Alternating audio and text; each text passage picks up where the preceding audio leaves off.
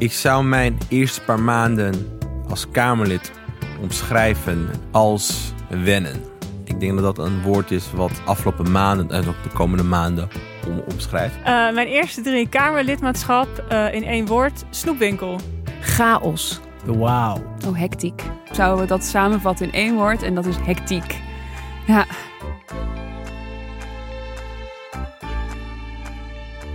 Dit is Kamervragen. Mijn naam is Jan van der Rost. Ik ben 20 jaar en werk bij de afdeling communicatie van de Tweede Kamer. Met mijn eigen vragen op zak neem ik je mee op mijn weg door de Haagse wandelgangen. Langs verschillende politieke gebeurtenissen, hoofdrolspelers en figuranten. En wie weet beantwoord ik daarmee ook gaandeweg jouw Kamervragen.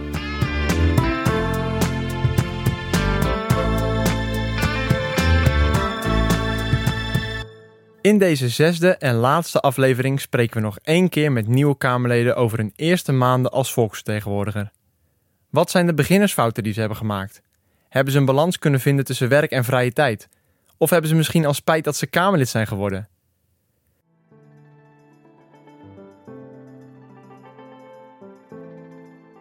Maar eerst wil ik weten of ze al een beetje gewend zijn aan hun nieuwe werk. Voelen ze zich nog groentjes of zijn ze inmiddels al doorgewinterde veteranen? Ik begin bij Don Seder, die sinds de laatste verkiezingen Kamerlid is voor de ChristenUnie. Ik weet niet of ik al doorgewinterd ben. Maar ik, je merkt wel dat je hier heel snel, um, ik wil niet zeggen volwassen wordt. Maar uh, op een gegeven moment moet je zoveel debatten doen. Vooral als je niet zoveel zetels hebt. Dat je op een gegeven moment wel, uh, wel heel snel een paar, een paar dingen leert. Wat je weken daarvoor geleden, uh, een paar weken geleden nog niet kende. Dus ik merk wel dat de eerste keer dat toen ik nog vol spanning zat voor het eerste plenair debat, dat dat nu eigenlijk wel een soort van routine bijna is geworden. Uh, niet de inhoud, want dat is elke keer weer uh, be, be, be, belangrijk en het kan ook um, spannend zijn. Maar dat, onder, maar dat gevoel in je buik van oei, dit is toch echt wel de plenaire zaal. Nou, op een gegeven moment uh, gaat, gaat dat er wel snel van, vanaf, want je moet gewoon je werk doen. Dus dat merk ik wel bij mezelf. Dat de commissiedebatten, de plenaire zaal, dat wordt steeds minder verwonderend. Uh, uh, maar nog wel even belangrijk. Dus dat is denk ik wel het verschil ten opzichte van, van, een paar weken geleden. Ik ben Quinia Merakowski en ik zit nu twee maanden in de Kamer voor de VVD. Ik voel me denk ik deels wel een brugklasser. In die zin dat ik soms nog dus aan het zoeken ben Waar is het lokaal waar ik heen moet? Heb ik het juiste boek bij me? Gewoon alles wat je, wat je ervaarde toen je brugklasser was. Maar dat heeft meer dan met gebouwen en procedures en zo te maken. Ik merk wel dat het fijn is dat ik toch zeven jaar gemeenteraadslid ben geweest. Dat ik het niet in die zin um, ander soort spanning heb als ik een debat moet voeren. Dat heb ik al heel vaak gedaan. Dus het is meer de nieuwigheid van deze hele setting en de dossiers die spannend zijn, dan dat de hele politiek voor mij nieuw is. En dat is toch wel fijn. Ik denk dat je dan sneller ingewerkt bent. Hoop ik. Hoop ik. Politieke ervaring ergens anders kan dus zorgen voor iets minder stress en spanning. Simone Kessenboom van Forum voor Democratie heeft als voormalig staatslid ook wat extra kennis op zak. Toch wil ze voorlopig bescheiden blijven. Nee, ik denk dat het brugpiepergevoel dat blijft nog wel een tijdje hangen. Um, ik heb daar ook een soort van bescheidenheid bij. Van, er zitten hier mensen met enorm veel ervaring. En daar kijk ik ook heel erg tegen op. Nee, dat blijft nog wel eventjes hangen bij mij, denk ik. Uh, ik zoals ik zei, kijk, zodra ik een beetje mijn, uh, mijn voeten gevonden heb, dan, dan komt dat wel goed. Maar ik maak altijd wel even pas op de plaats voor mensen die heel veel weten.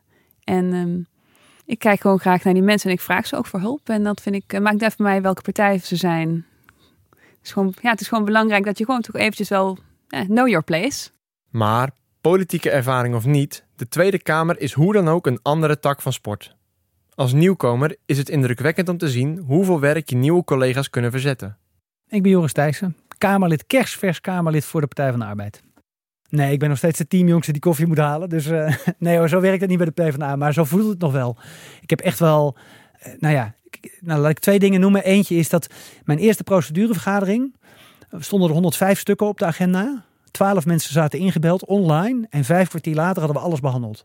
Super professioneel. Door, door de Griffie was het tot in de puntjes voorbereid, maar dus ook al die Kamerleden en hun teams die gewoon helemaal voorbereid daar zitten en echt in, in één uur 105 stukken er doorheen knallen. En precies weten, dat doen we daarheen, dat doen we daarheen. Het is nog geen inhoudelijke behandeling natuurlijk, maar wel echt zo professioneel. Dus dat vond ik heel tof om te zien. Ehm, waardoor ik ook echt wel zoiets had van, oké, hier heb ik ook echt nog wel iets te leren. En dat zie je natuurlijk ook wel in de grote debatten waar ik, waar ik dan nu ook bij zit. Uh, en de meer ervaren collega's, dan zie je ook echt wel dat het Kamerlid zijn een vak is. Dus nee, dat heb ik niet het idee dat ik dat twee, ma twee maanden al in de vingers heb. Uh, daar ga ik echt nog een heleboel, ja, een heleboel leren. En vast ook nog een heleboel fouten maken. Ja, hoort er ook bij. Uh, als het dan steeds maar een beetje beter gaat. Het duurt dus even voor je doorhebt hoe alles werkt. Luciel Werner is Kamerlid voor het CDA, maar hiervoor had zij een hele andere carrière. Onder andere als presentatrice van het bekende tv-programma Lingo. Van de publieke omroep Lingo's Luciel. Helemaal waar, JP. Een hele goede avond. Allemaal van harte welkom weer bij Lingo. We gaan het spelletje weer spelen met de vier kandidaten die staan te trappelen om te beginnen. Als nieuwe politicus had zij nogal wat moeite met het interne systeem waarmee de Kamer werkt, genaamd Parlis. Nou, onmogelijk. Niet te doen. Ik begrijp het nu nog steeds niet. Ik, uh, uh, het is uh, zo'n enorm systeem. Ik heb op een gegeven moment zelfs... Ik droomde over Parlis. Ik zag al die berichten voorbij komen in mijn droom over Parlis. Alle moties, vergaderingen, noem het allemaal maar op. Ik dacht, oh, wat is dit ingewikkeld. Dus Parlis, dat duurt nog wel een paar jaar. Dat moet ik eerlijk bekennen. Maar zij was niet de enige die moeite had met de ICT in de eerste weken. En waar ik het meeste aan moest wennen toen ik me installeerde in het Tweede Kamergebouw... is het ICT-systeem namelijk niet echt feilloos of gebruiksmakkelijk. Of, daar kunnen we nog wel een slag maken. En zeker in deze tijden van corona, dat we zoveel mogelijk thuis moeten werken of online moeten werken, dat is echt nog wel een wereld te winnen. Veel leren, af en toe een beetje worstelen en fouten maken. Elk begin is lastig. Wat zijn klassieke beginnersfouten die onze Kamerleden maakten in hun eerste weken? Een klassieke beginnersfout die ik maakte als Kamerlid was dat ik in tijden van corona een kamer binnen, binnenliep omdat ik dacht dat er een commissievergadering gaande was, maar het bleek digitaal te zijn. Dus ik zat daar toen alleen met de voorzitter en de rest was allemaal op een digitaal scherm. Ja, een klassieke beginnersfout die ik maakte als Tweede Kamerlid was dat ik uh, bijvoorbeeld bij de eerste procedurevergadering die we hier dan hebben, helemaal begraven die stukken. En ja, dat je daar echt wel in kan verliezen. Terwijl, ja, je moet natuurlijk kijken waar je op wil richten. En je moet je ook richten op je collega-Kamerleden. Want uiteindelijk, ja, als je iets wil bereiken, heb je meerderheden nodig. Dus je kan nog zoveel weten van de inhoud. Je kan wel gelijk hebben. Is nog iets anders dan gelijk krijgen. Dus dat was wel uh, een beginnersfout. Een klassieke beginnersfout die ik als Tweede Kamerlid maakte, is dat ik meteen met alles wil gaan bemoeien. Want alles, alles zag er zo belangrijk uit. En dan ben ik ook van nature een persoon. Um, ik hou er niet van om een jack of all trades te zijn. Um, vandaar mijn persoonlijke ervaring. Ik ben ook gepromoveerd, dus ik ben een specialist in iets. En ik probeerde me daarvan, ik probeerde te ver van mezelf af te stappen op, op dat moment. Um, dat ik gewoon iets van alles probeerde te vinden. En dat is een fout die je maakt, want je moet gewoon ook gaan specialiseren. Want dan pas kun je echt meedoen. Kamerleden kunnen zich een beetje verliezen in de overvloed aan informatie, dossiers en bronnen die ze voorgeschoteld krijgen. Je moet dus goed prioriteiten weten te stellen. Anders wordt de werklast snel te veel. Maar op die werklast kom ik zo nog even terug. Eerst wil ik het over iets anders hebben. Als brugpieper wil je je natuurlijk van je beste kant laten zien. Lukt het onze Kamerleden een beetje? Komen ze bijvoorbeeld netjes op tijd bij alle vergaderingen en overleggen? Ik ben echt altijd veel te vroeg. Zelfs zo vroeg dat ik ook uh, erachter ben gekomen dat op het moment dat je in de plenaire zaal op de tweede rij zit, dan ben je voor je beleidsmedewerker niet uh, in beeld als het gaat om een twee minuten debat. Een VAO. Ja, goed hè, uit mijn mond. Een VAO. En zij was helemaal in paniek dat ik er niet zat. Maar ik zat gewoon op de tweede rij, omdat mijn voorgangster, die zat op de eerste, want die was nog aan de beurt. Zo vroeg was ik. Dus ging ik netjes op het tweede rijtje zitten. Dus um, ja, ik ben echt iemand die heel graag op tijd is. Nee, ik zit definitief altijd uh, heel keurig vijf minuten van tevoren ben ik, zit ik al klaar. Dat heb ik uit mijn schooltijd meegekregen. Ik had een hele strenge meester uh, die me Afrikaans les gaf. En die zegt dat het een basisfatsoen is om altijd op tijd te zijn. Je bent nooit te laat. Dus nu ben ik gewoon standaard altijd te vroeg. ik ben iemand die, uh, die zodra ik de bel hoor de gang ophol. En dat heeft vaak te maken omdat uh, we hebben vijf zetels. En dat betekent dat je heel vaak gewoon heel veel dingen achter elkaar hebt. Of zelfs in elkaar lopend. Dus eh, het komt heel vaak voor dat ik in een vergadering zit en eigenlijk een half uur van tevoren weg moet, omdat het dan een andere vergadering begint. Dus ik wacht altijd even totdat de bel gaat. In de eerste aflevering hadden we het al even over het gebouw van de Tweede Kamer. Toen viel het woord Dolhof een paar keer.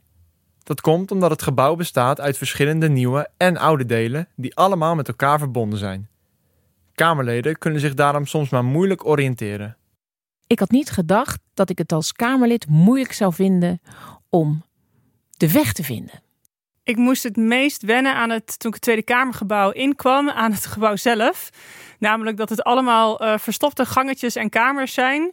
En als je net binnenkomt, niemand geeft je een plattegrond.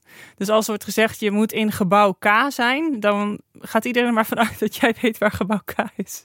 Waar ik het meest aan moest wennen toen ik in het Kamergebouw was, het feit dat ik gewoon helemaal geen begrip van directie heb in dit gebouw. Um, ik ben er al normaal heel slecht mee en helaas is er geen Google Maps binnen dit Kamergebouw. Dus dat was even wennen, want ik verdwaal gewoon binnen een paar seconden. En ja, dan hoop ik dat iemand mij binnen twee weken weer gewoon terug kan vinden. Waar ik het meest aan moest wennen toen ik het gebouw binnenkwam, was dat ik uh, door moest hebben uh, op welke verdieping we nou precies zaten. Ik zit in, we zitten bij in, in het gebouw Col op de tweede verdieping. Maar er is ook, er is ook een derde. En, en ik dacht lange tijd dat we op de derde zaten. En pas na een paar dagen kreeg ik door dat we eigenlijk op de tweede zaten. In de zomer verhuist de kamer naar een tijdelijk onderkomen. Een nieuwe omgeving. In die periode wordt het binnenhof gerenoveerd en aangepast. Wat gaan de Kamerleden missen aan deze bijzondere plek? Wat ik het meest ga missen aan de huidige Tweede Kamergebouw is ja, de sfeer die er hangt. Het is natuurlijk gewoon zijn historische gebouwen en dat voel je ook echt wel als je er woont en werkt of woont, als je er werkt en rondloopt. Uh, en ik denk dat ik het plein ook heel erg ga missen. Hoewel de terrassen pas net open zijn, maar ik kan me helemaal voorstellen dat je daar uh, elkaar vaak tegenkomt. En dat is natuurlijk niet echt bij het nieuwe parlement uh, het geval. Wat ik het meest ga missen aan het Tweede Kamergebouw is de historie. Volgens mij heb je, hebt verschillende, je hebt verschillende gebouwen uh, met allemaal hun eigen prachtige verhalen. Dat is wel iets uh, wat soms mooi is om bij stil te staan. maar dat gaat nu niet. Nu gaan we naar een ander gebouw wat waarschijnlijk ook zijn eigen charme heeft. Maar het is toch net wat anders. Wat ik het meest ga missen aan dit Tweede Kamergebouw is het feit dat mijn fractie Vorm voor Democratie in een we zitten in het gebouw van justitie. Het is een enorme mooie gang met fantastische mooie meubels, uh, gewervelde ceilings. Het is gewoon zo mooi en ik ga dat enorm missen. Luciel Werner is door een handicap wat slechter te been. Zij hoopt na de renovatie van het Binnenhof op een toegankelijker gebouw. Ze heeft namelijk wel wat verbeterpuntjes. Uh, nou, op zich is het gebouw um, best wel aardig toegankelijk, best wel prima. Ik, ik ontdekte eigenlijk pas gisteren um, dat je, uh, als je in de parkeergarage staat, ik dacht altijd, oh, daar gaan we weer, die hele lange trap omhoog. Nou, en dat kost, uh, dat kost mij gewoon best wel wat moeite. Maar ik wist eigenlijk niet dat in de parkeergarage er ook een liftje was, die uiteindelijk je gewoon naar het plein brengt en dat je dan vervolgens ook de kamer in kan lopen. Ik wist het niet, dus dat was wel eens weer een leuke leermomentje gisteren. Maar de toegankelijkheid, ja, je hebt op een gegeven moment ook bij de patatbalie is er een, um, een heel klein trappetje ergens omhoog. En die heeft een hele dikke leuning aan de rechterkant en een hele dunne aan de linkerkant. Dus het naar beneden gaan, je hebt eigenlijk bijna helemaal geen houvast daar, is lastig. Maar omhoog kom ik wel weer terug. Dus ja, dat zijn van die, van, van die dingen die natuurlijk wel uh, opvallen. En ook uh, de, toegankelijkheid van, uh, van de plenaire zaal. Op zich is die ook best wel aardig. Alleen een ramp is voor mij dus heel erg ongemakkelijk juist. En een trappetje zonder leuning is voor mij ook niet heel erg makkelijk. Dus daar ben ik nog uh, een klein beetje aan het stoeien. maar het komt goed. Dus kun je nagaan hè, dat, je, dat je denkt toegankelijk te zijn in een plenaire zaal. En, en dat ben je uiteindelijk dan niet helemaal. En zeker niet als het, uh, als het om vloerbedekking gaat. Ik bedoel, ik heb gisteren een kijkje mogen nemen uh, in, de nieuwe, uh, in de nieuwe kamer. En toen dacht ik, hier ligt wel heel hoog, ja, een hoog vloertapijt. Ik bedoel, iemand met een rolstoel, die komt hier nog niet eens doorheen. En ik vind het ook best wel ingewikkeld om een beetje op dat hoogpolige tapijt te lopen.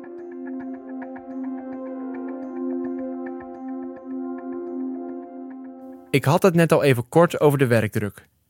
Daar wordt ook veel over gesproken in het nieuws. Verschillende Kamerleden zijn openhartig geweest over het feit dat ze overwerk thuis zitten. Hoe gaan nieuwe Kamerleden om met die druk? Weten ze nog wat tijd vrij te maken voor zichzelf?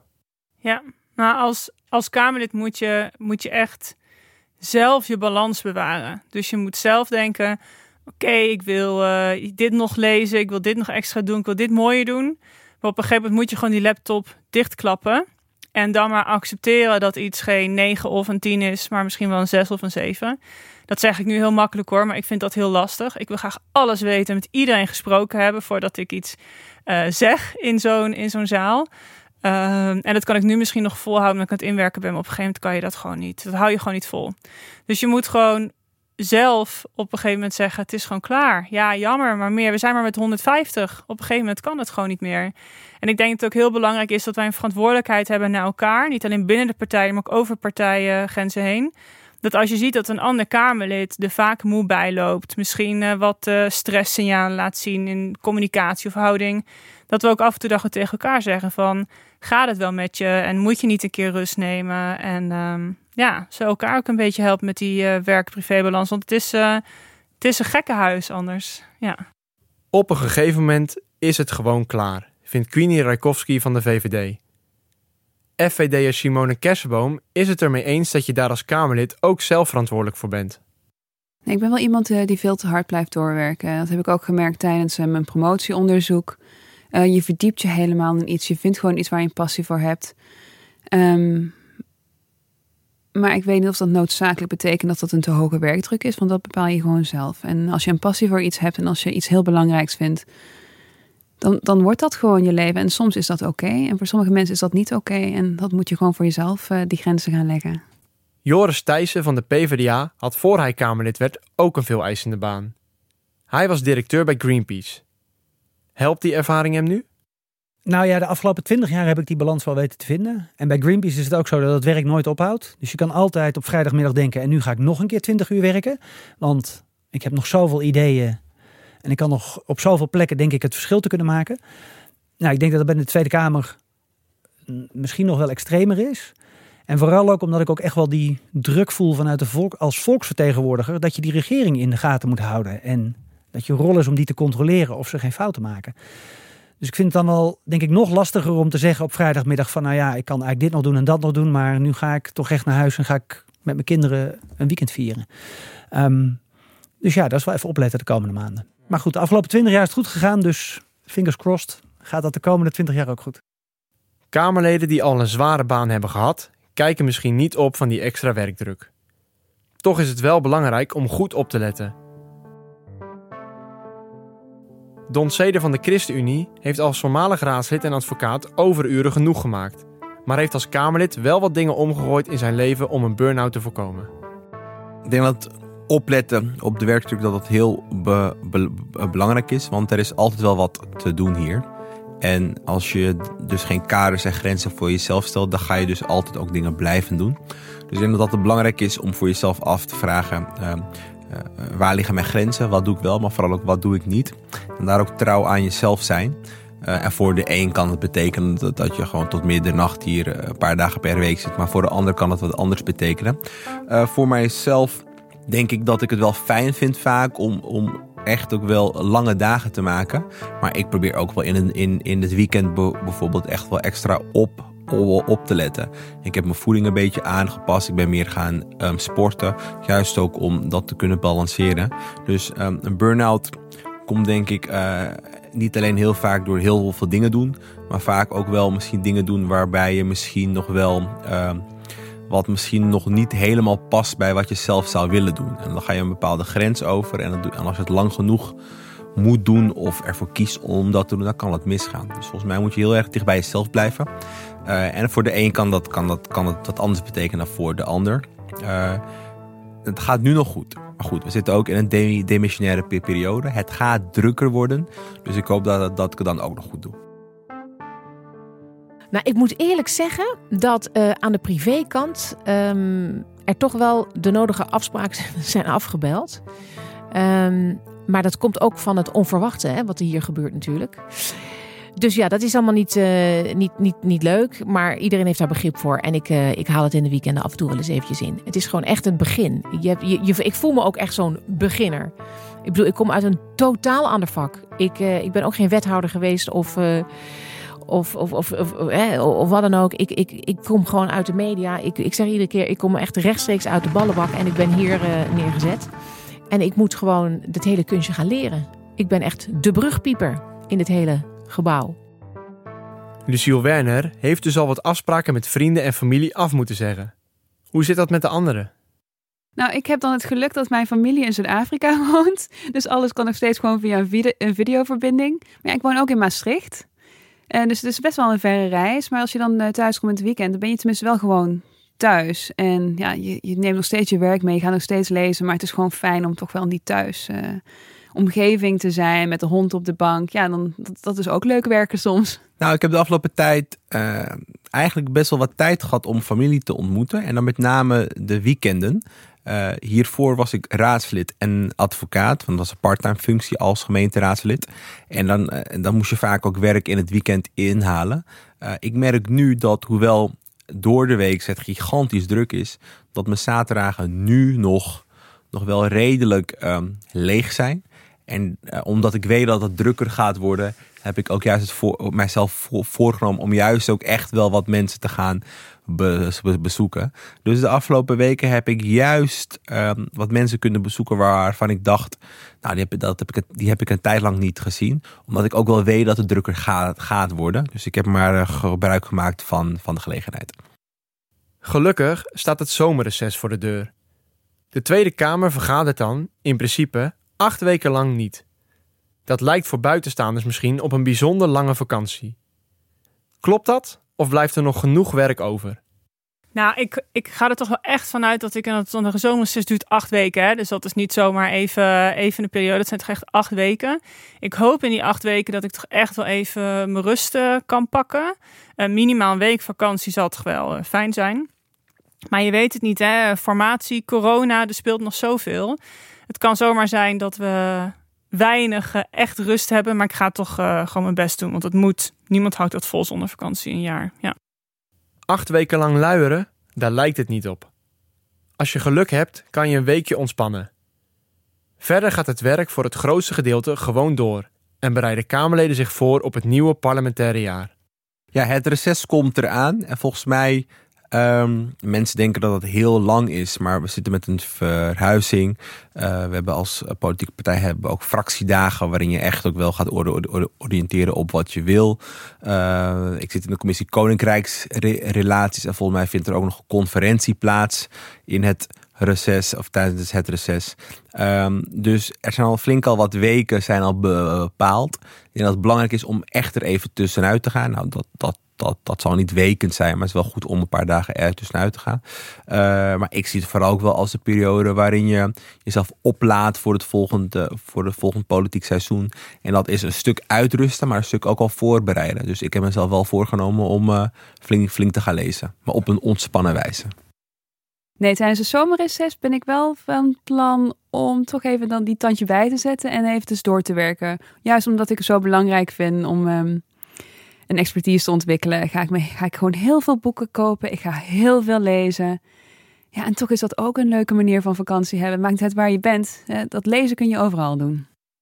Kijk, het- sowieso moet je ook altijd je rust nemen. Je moet niet als een bezetene doorgaan, want dan is het gewoon niet vol te houden, dit werk. Dat kan helemaal niet. Dus je moet eh, ook echt wel eh, gewoon heel erg kunnen kaderen. En dat, dat, ben ik wel aan het doen, want de eerste weken dan ben je alleen maar bezig met de parlers, alles wat binnenkomt, alle mensen die je nodig hebben.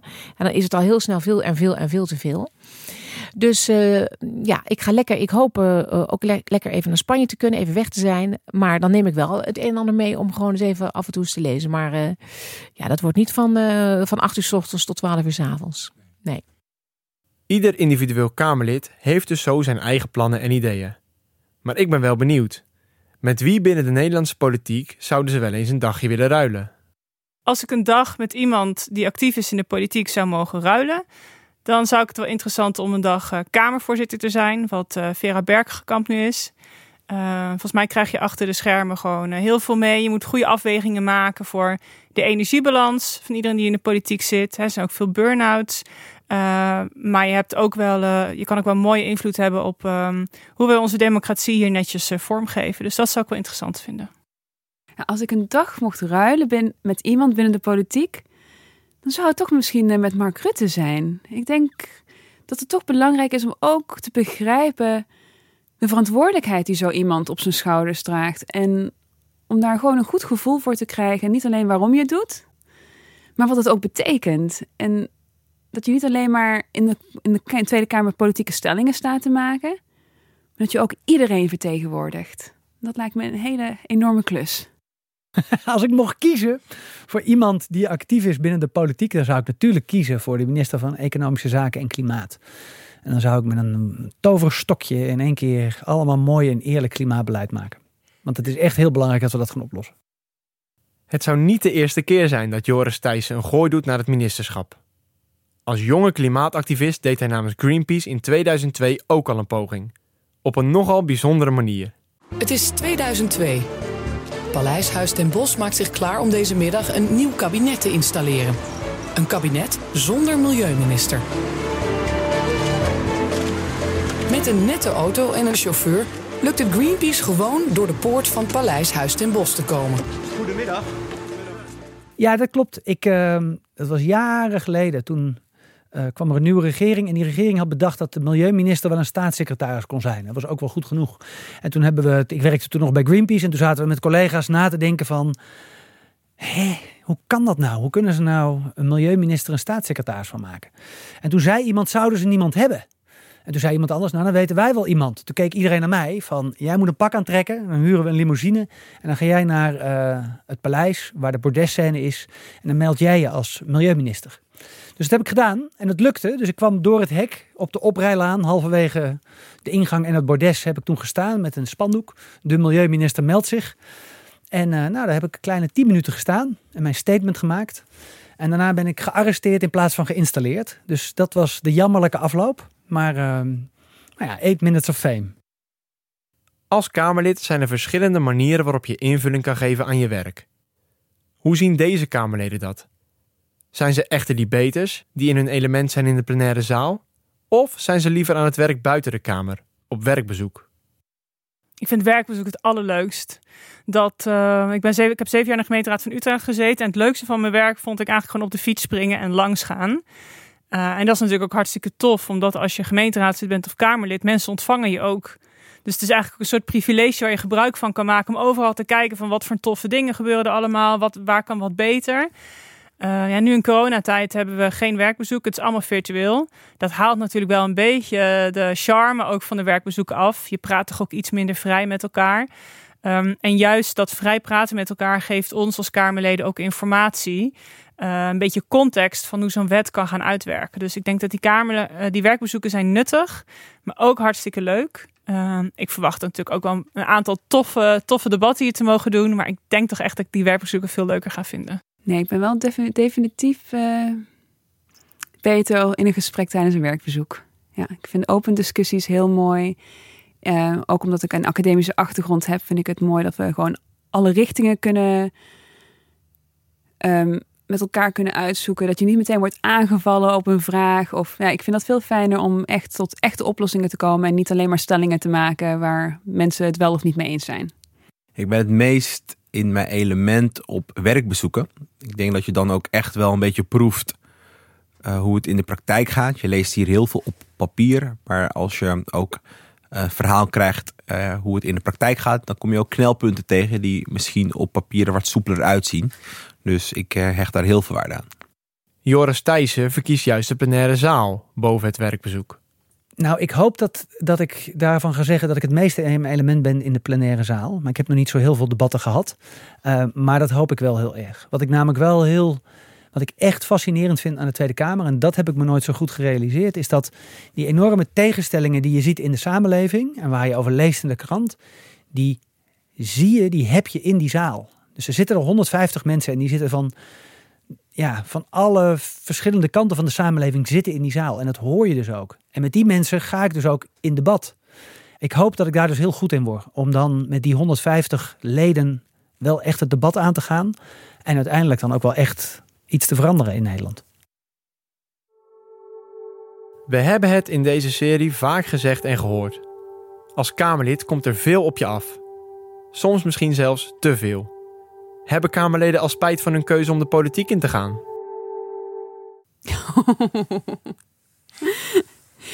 Nou, tot nu toe is het nog te vroeg om eh, spijt of geen spijt te hebben, denk ik. Misschien vinden we dat wel uit na vier jaar, dat we die vraag even opnieuw gaan beantwoorden. Tot nu toe is het allemaal nieuw. Het is een enorme eer om hier te mogen zijn. Ehm, je voelt die verantwoordelijkheid en dat neem je dan ook op je. En tot nu toe is het nog uh, alles opnieuw uitvinden. En gewoon echt gewoon keihard je best doen voor de mensen die je verkozen hebben. Ik heb er geen spijt van dat ik Kamerlid ben geworden. Zeker niet. Nee, nee, dat ga ik ook nooit krijgen, denk ik. Ik heb geen spijt dat ik Kamerlid ben geworden. Dit is wat ik uh, hoopte te kunnen bereiken om uh, op thema's die ik belangrijk vind het verschil te kunnen maken. Het feit dat ik daar nu hier nu mag zitten schept aan de ene zijde een grote verantwoordelijkheid, maar aan de, anders, aan de andere kant is het ook genieten dat je het mag doen. Dus ik geniet daar elke dag weer van. In ieder geval dat probeer ik. Want voor je het weet is het voorbij. Uh, en ik hoop niet alleen te genieten, tegelijkertijd ook echt wel dingen voor elkaar te krijgen. Dus uh, ik heb er totaal geen spijt van. heb je er spijt van? Um, nou ja, ik had natuurlijk wel een hele toffe baan bij Greenpeace. Uh, maar dit is ook echt een hele toffe baan. En ik kom echt wel dingen tegen waarvan ik denk, moet dat zo? Of zit dat eenmaal zo? Maar dat heb je bij iedere baan. Dus tot nu toe ben ik vooral wauw, denk ik van... Wat fantastisch om hier te zitten. En wat fantastisch om hier te mogen knokken voor mijn idealen. En uh, nou ja, daar, hoop ik, daar heb ik natuurlijk ook goede hoop op dat ik daar nog heel veel verschil kan maken. Dus dat motiveert ook heel erg om, ja, als het dan een keer tegen zit, of als je het nog niet zo goed begrijpt, of als er stomme dingen zijn, dat je dan denkt, ja, ogen op de bal houden. We gaan uh, zorgen voor eerlijk en effectief klimaatbeleid. En dat, uh, ja, daar ga ik voor. Oh nee, ik heb helemaal geen spijt dat ik Kamerlid ben, ben geworden.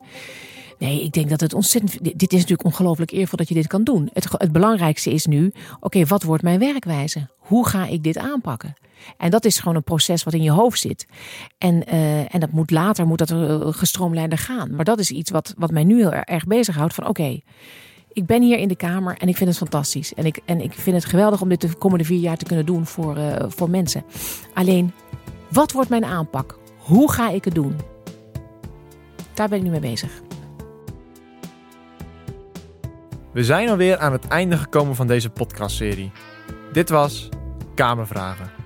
Ik heb de antwoord op mijn vragen wel gekregen. En ik hoop dat ik jouw Kamervragen ook heb kunnen beantwoorden. Maar we hebben dus nog een bonusaflevering met Kamervoorzitter Vera Bergkamp. Dus vergeet niet te luisteren.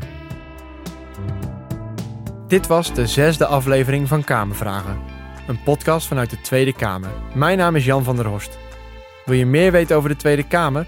Ga dan naar onze website tweedekamer.nl. En vond je deze aflevering leuk? Deel hem dan vooral met vrienden, familie of de barman van je stamkroeg. Tot de volgende keer.